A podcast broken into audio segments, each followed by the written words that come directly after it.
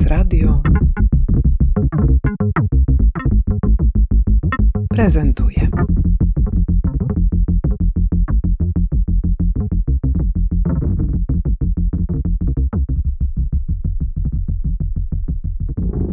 Dzień dobry. Wieczorek autorski. Polska jej, czyli Gdyni, nie odziedziczyła, tylko tworzyła od podstaw własnymi rękami, a wiele problemów miała tu szansę załatwić inaczej niż do tej pory. Tu na nowym gruncie mogła zacząć z czystą hipoteką. Przezwyciężyć różnice między zaborami, pokonać zacofanie, uciec od narodowych przywar, od wiejskiej nędzy i wielkomiejskiego bezrobocia, zostawić w tyle waśnie etniczne i konflikty klasowe, uniknąć urbanistycznych błędów i historycznych ograniczeń krępujących rozwój innych miast. Tu nowe pokolenie uczyło się nowych umiejętności i zawodów związanych z morzem i międzynarodowym handlem. Tu, niczym w laboratorium, mogła powstać nieobciążona żadną złą ani dobrą tradycją nowoczesna polska miejskość oraz morska polskość. Jakie było pytanie? Dlaczego Gdynia jest obiecana? No właśnie, że, że, że obiecywała, że była miastem nowym e, 100 lat temu, a nawet niecałe 100 lat temu i wiele środowisk sobie po niej wiele obiecywało, że tam pewne rzeczy zrobi inaczej niż do tej pory. Tysiące ludzi tam przyjeżdżały po to, żeby e, odmienić swoje życie. Grzegorz Piątek, jestem krytykiem architektury, pisarzem. Ostatnio wydałem książkę Gdynia obiecana, miasto modernizm, modernizacja. To jest Twoja druga książka, którą poświęcasz um, idei miasta idealnego w stylu polskim. E, Najlepsze miasto świata opowiadało o odbudowie Warszawy po zniszczeniach wojennych, a Gdynia to historia miasta, które wznoszone było w międzywojniu od zera. W każdym razie takie jest popularne, popularna wiedza. Jak było naprawdę? Gdynia w pewnym sensie powstała od zera, bo w tym miejscu nie było do tej pory miasta, tylko wieś, ale y, nie powstała bynajmniej na jakiejś ziemi niczyjej, ani na czystej kartce, tylko w miejscu, gdzie istniała jeszcze od średniowiecza wieś rybacka o tej samej nazwie, gdzie była lokalna ludność Kaszubi o dość y, niejednoznacznej tożsamości, gdzieś zawieszonej między właśnie polskością, słowiańskością, a wpływami niemieckimi. I y, była pewna kultura. Natomiast na tym założono y, miasto niesłychanie e, ambitnie, niesłychanie, to właściwie, właściwie była taka no, szturm na te fale Bałtyku, bo do tej pory Polska miała niewiele wspólnego z morzem, nie tylko terytorialnie, ale też kulturowo, także Gdynia stała się nie tylko miastem, e, miejscem ożywionej wymiany handlowej, ale też wymyślania Polski na nowo przez samą siebie jako narodu morskiego. Przygotowując się do publikacji, do napisania tej książki, spędziłeś sporo czasu w archiwach, w bibliotekach, poszukując źródeł. Co tam znalazłeś na temat początków Gdyni? Co cię zaskoczyło? Dużą część tej y, przyjemności z czytania tej książki jest też zaprzeczanie naszej stereotypowej wiedzy. No, ta przyjemność płynie chyba z mojej przyjemności odkrywania tych niuansów i tych y, innych wersji historii, bo dla mnie praca nad taką książką jest też zawsze y, doświadczeniem takim autoedukacyjnym. I zaskoczeń miałem wiele, natomiast jeśli chodzi o początki Gdyni, to chyba największym i takim najbardziej generalnym było to, że my dziś postrzegamy Gdynię jako bierzemy ją jako oczywistość. Ona jest tak sklejona z legendą mi- międzywojennej Polski. Ten cel właśnie wydarcia dostępu do morza dziś się wydaje takim no, de, zdeterminowanym przez historię, ale y, okazuje się, że pomysł y, za, założenia tego portu wcale nie był taki oczywisty. Miał też na początku wielu przeciwników. I, no, I nie wydawał się zupełnie oczywistością, i trzeba było właściwie splotu pewnych okoliczności, de- determinacji konkretnych osób, żeby y, port zbudować i żeby zbudować go w tym miejscu. I bez tego nie byłoby tego miasta, które dziś jest po prostu częścią Trójmiasta, jest taką oczywistością dla nas. Ale wtedy taka cywilizacja wielkomiejska się kończyła gdzieś na granicy Sopotu. Dalej właściwie już nic nie było, była wieś i, e, i to słabo połączone z resztą kraju, obojętnie czy tym krajem była Polska, czy przedtem Niemcy. Do jakiego stopnia Gdynia jest projektem politycznym, a do jakiego stopnia społecznym? Gdynia jest y, przede wszystkim projektem politycznym. O jego społecznej stronie zaczęto myśleć dopiero wtedy, kiedy trwał już w najlepsze. Pierwszy był ten cel właśnie zbudowania niezależnego portu i nawet samo miasto powstało niejako przy okazji. Państwo nie zadbało o czym warto mówić, o e, zaplanowanie miasta odpowiednio wcześnie, o wykup terenów. To się nigdy nie stało. E, owszem, wykupiono tereny pod budowę portu i, i port został bardzo starannie zaprojektowany, chociaż też były pewne przypadki przy jego realizacji i swoją nowoczesnością i rozmachem robił wrażenie właściwie na wszystkich.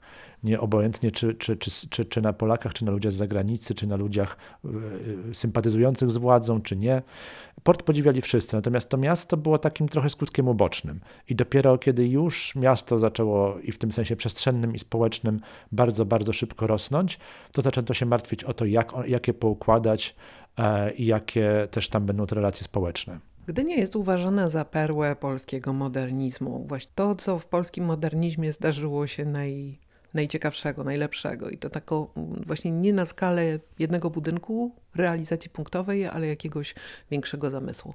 Jak wygląda ten polski modernizm w wydaniu gdyńskim? O czym on właściwie jest? Gdynia nie składa się rzeczywiście z samych arcydzieł architektury, wręcz przeciwnie. Większość tych budynków, co jest zrozumiałe, jeśli wziąć pod uwagę, jak szybko to wszystko rosło, e, jest dość przeciętna. E, ale dzięki temu Gdynia jest bardzo reprezentatywna dla kondycji polskiej architektury międzywojennej. Nie tylko jest takim katalogiem stylów i tendencji, ale też dużo mówi o tym naszym pomyśle, czy o możliwościach w ogóle kreowania architektury modernistycznej. Ona jest w swojej warstwie formalnej często bardzo śmiała i nowoczesna i e, odarta właśnie z historyzmów, szybko nadążała właśnie za, za, za tą modą wizualną, za estetyką. Natomiast w warstwie technicznej była często dość prymitywna, to znaczy te budynki o elewacjach gładkich, o wielkich oknach, płaskich dachach jednak były najczęściej murowane z cegły, bardzo tradycyjnie, a nawet często miały drewniane, e, drewniane elementy konstrukcji, także tu nie mówimy o jakiejś stalowo-betonowej utopii tylko w nielicznych przypadkach. A po drugie też no, my podkładamy często pod modernizm to, że on automatycznie oznacza jakąś emancypację, taką emancypację społeczną i, i pewien postęp, tak, jeśli chodzi o, o stosunki społeczne, równość. Gdynia zupełnie taka nie była. Gdynia miała to piękne, coraz piękniejsze, y, chociaż też dość chaotyczne centrum, właśnie gdzie są te najsłynniejsze budynki, ale obrastała fawelami, obrastała bardzo ubogim budownictwem, często tymczasowym. Miała bardzo y, mało też tego budownictwa dostępnego, społecznego, czyli to, co stereotypowo kojarzymy z modernizmem. To nie był jeden wielki Żoliborz. To było właśnie takie mieszczańsko-elitarne centrum, dzielnice willowe nad morzem, a wokół tego fawele i gdzie niegdzie takie wysepki tego budownictwa społecznego, o których piszę. Zależało mi na tym, żeby właśnie sporo o tym napisać, bo to często są mniej znane budynki, albo są dzisiaj dość zaniedbane, dość popsute przebudowami. Mówię tu o blokach TBO na ulicy Morskiej, pierwszym osiedlu Gdyńskiej Spółdzielni Mieszkaniowej na e, Grabówku, o blokach Pagedu na, na e, Oksywiu, osiedle, które nigdy nie zostało ukończone. To są takie wysepki właściwie tej emancypacji i tego społecznego tej troski. W morzu y, y, zabudowy, która świadczyła raczej o dość brutalnych stosunkach społecznych i ogromnych nierównościach. No właśnie, bo czym była ta nowoczesność tamtych czasów? Jaka definicja nowoczesności wychyla się z tego bacznego przyjrzenia się historii początków miasta, portu Gdynia? Ta nowoczesność była ściśle związana z państwem. Państwo było e, no, jednak w kraju, który był coraz bardziej despotyczny i coraz bardziej autorytarny, coraz więcej od państwa zależało i e, także kształtowanie przestrzeni było podporządkowane potrzebom państwa, które też rozumiano coraz bardziej monoetnicznie, niewielokulturowo, które było coraz bardziej zmilitaryzowane. I to w tej architekturze i w tym, jak Gdynia została poukładana, e, widać. Najważniejszy był interes portu, bo to był ten narodowy projekt, wojska, czyli też marynarki wojennej, ale nie tylko. I to wojsko zbudowało sporo nowoczesnych mieszkań w Gdyni, ale właśnie dla wojskowych. I tak było w całej Polsce. Fundusz Kwaterunku Wojskowego był największym inwestorem mieszkaniowym w Polsce, nie jakieś tam Towarzystwo Osiedli Robotniczych czy jakaś spółdzielnia. I wokół tego państwa cała sieć interesów właśnie związanych, które często były prywatne, to byli prywatni przedsiębiorcy, ale jednak jakoś od tego, tego państwowego kapitalizmu uzależnione, bo mówimy właśnie o porcie, o obrocie drewnem, który, na którym monopol miało państwo, węglem ze Śląska. Wszystko to, ta, cała, cały ten nasz modernizm był bardzo związany z państwem, bardziej z państwem niż ze społeczeństwem.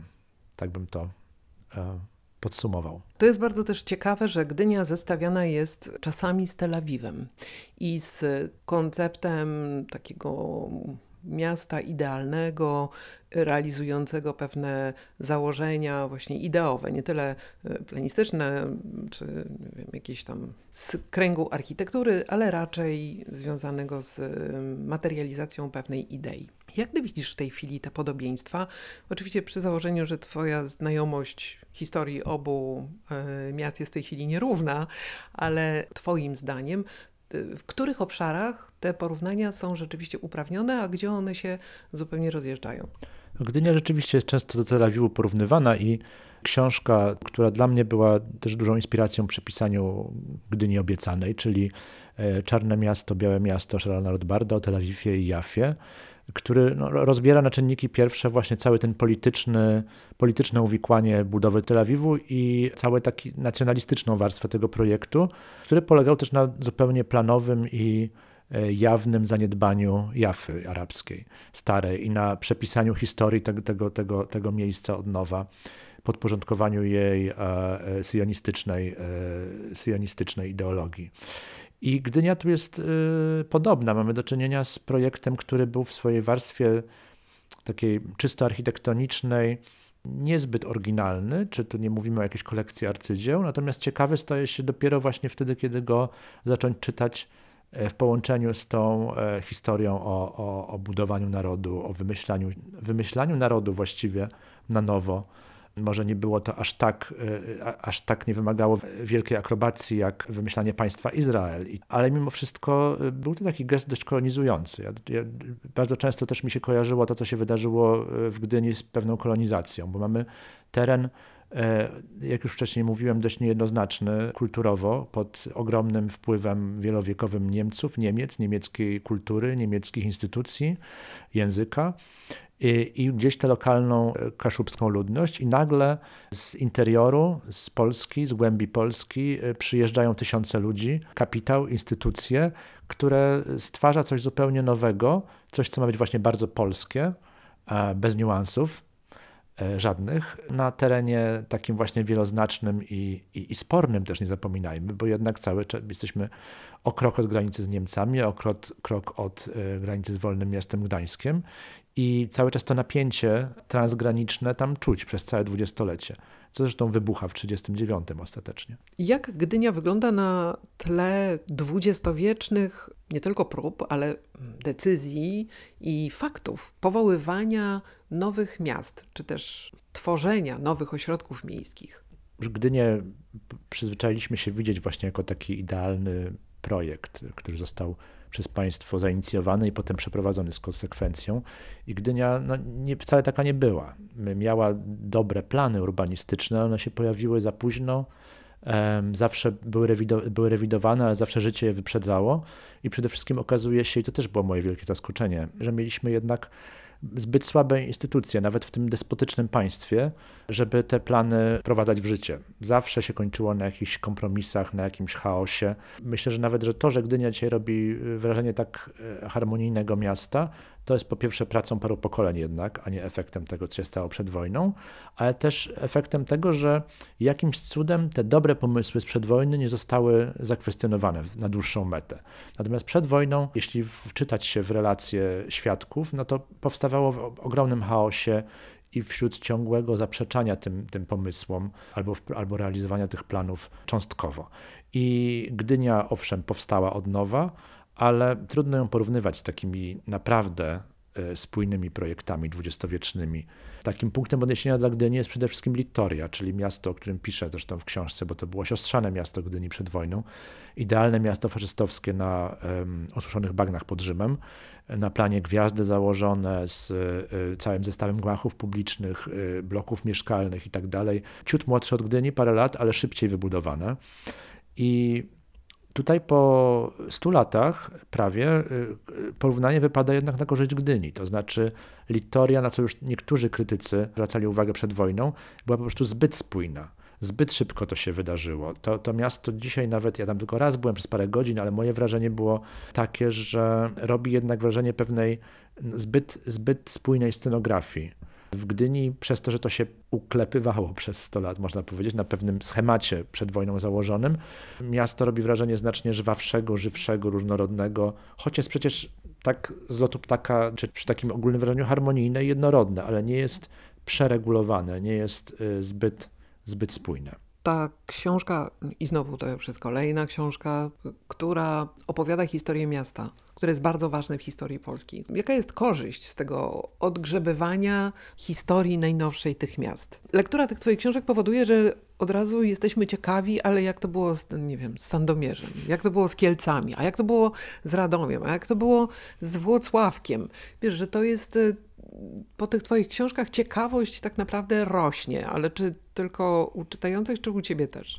U mnie też, ale chociaż na, Sandomierz na razie się nie rzucam. Myślę, że, że warto przepisywać te historie miast od nowa, po to, żeby po pierwsze y, zobaczyć się z innej strony niż taka perspektywa polska i elitarna. Miasta polskie, gdzie Gdynia akurat była wyjątkiem, były zawsze wielokulturowe i wielonarodowe i dopiero jeśli obejrzy się z perspektywy właśnie tych y, kilku narodowości, to byli Polacy, przeważnie Żydzi, a już zależnie od regionu jeszcze inne narodowości, Niemcy, Ukraińcy, Białorusini i tak dalej, i tak. Dopiero wtedy złapiemy pełny obraz. Obraz jest właśnie do tej pory przeważnie był polski, polonocentryczny, co było o tyle zrozumiałe, że w XX-XIX wieku historiografia służyła Polakom po to, żeby się wzmocnić, zbudować, ujednoznacznić w ogóle jako naród. Także tę historię miejską też czyszczono z tej, z tej wieloznaczności, o czym Błażej Brzostek na przykład świetnie pisze w swojej historii Warszawy wstecz, gdzie pisze o tym, jak historiografia stawała na głowie, żeby, żeby warszawskich mieszczan, tych średniowiecznych e, i nowożytnych, spolszczyć. Oni przeważnie byli Niemcami, ci pierwsi, a potem Szkotami, Anglikami i tak dalej, i tak dalej. Holendrami. Holendrami, tak. Więc, więc taki był cel historiografii, ale ja myślę, że teraz możemy już się pokusić o zróżnicowanie tego obrazu. Po drugie też trzeba nam więcej perspektywy takiej ludowej, co ja też, to nie jest ludowa historia Gdyni oczywiście, ale myślę, że potrzebujemy ludowej historii, też ludowej historii architektury, po to, żeby zwrócić uwagę na życie codzienne i na przestrzenie takie zwyczajne, przeciętne.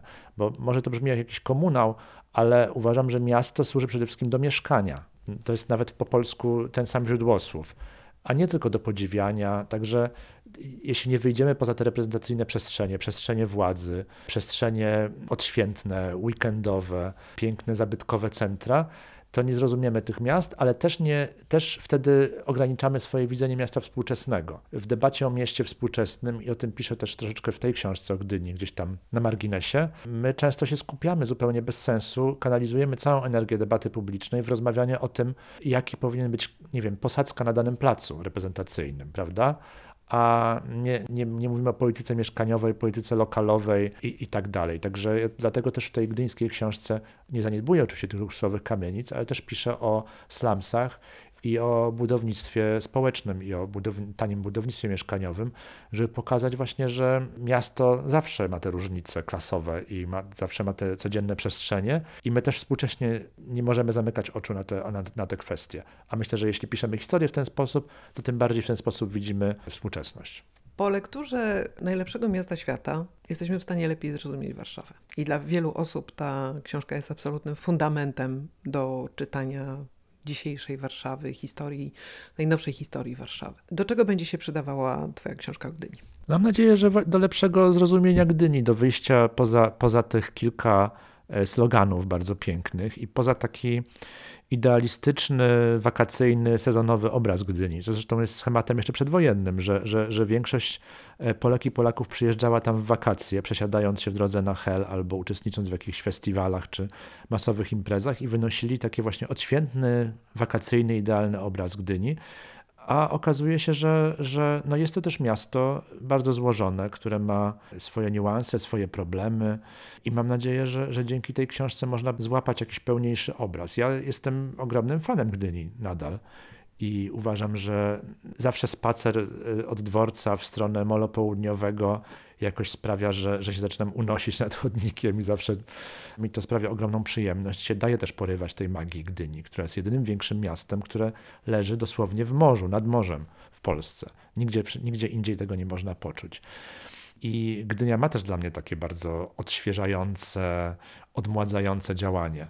Natomiast trzeba wyjść poza tę pocztówkę. Warto zrozumieć tę Gdynię i może też No mam nadzieję, że też Gdyni też coś ta książka da, że, że, że ludzie się przejrzą w, w, w tym obrazie, że zobaczą w tym historię swoich rodzin, swoich przodków, które często nie pasują do tego obrazu, y, obrazu eleganckiego, modernistycznego miasta, po którym ci e, oficerowie, kapitanowie i, i biznesmeni się limuz, limuzynami wożą. Taki jest mniej więcej ten obrazek, prawda? Tak sobie dopowiadamy tę Gdynię przedwojenną.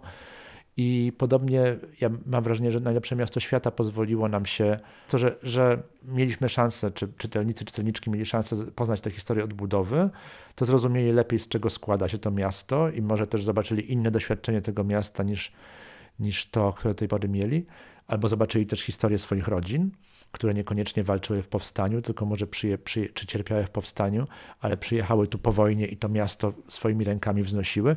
Gdynia, Gdynia też w ten sposób mniej więcej powstawała. Przyjeżdżali ludzie z całego kraju, nie po to koniecznie, żeby uczestniczyć w jakimś narodowym zrywie, tylko po to, żeby urządzić swoje życie od nowa, a przy okazji miasto. I o tym ta książka miała być i mam nadzieję, że jest. Bardzo dziękuję Ci za rozmowę. Ja też dziękuję i e, zapraszam do Gdyni i do książki. Oczywiście. Jeździsz na Openera? Oj, jeździłem. Jeździłem z wielką przyjemnością i ostatnio pożałowałem, że już nie jeżdżę. Tak, byłem w Gdyni, to była moja ostatnia wycieczka researchowa związana z tą książką. Trafiłem akurat w począteczek Openera, dzień przed. Jak się już wszyscy zjeżdżali, poczułem ten, ten zew, że ja też tam chcę na to Kosakowo w tym autobusie przepełnionym pojechać i po prostu przeżyć tę szóstą młodość. może, może nie warto próbować, a może czemu nie. Nagranie było możliwe dzięki temu, że Fundacja Nowej Kultury Będzmiana jest beneficjentką programu własnego Instytutu Książki. Certyfikat dla małych księgarni.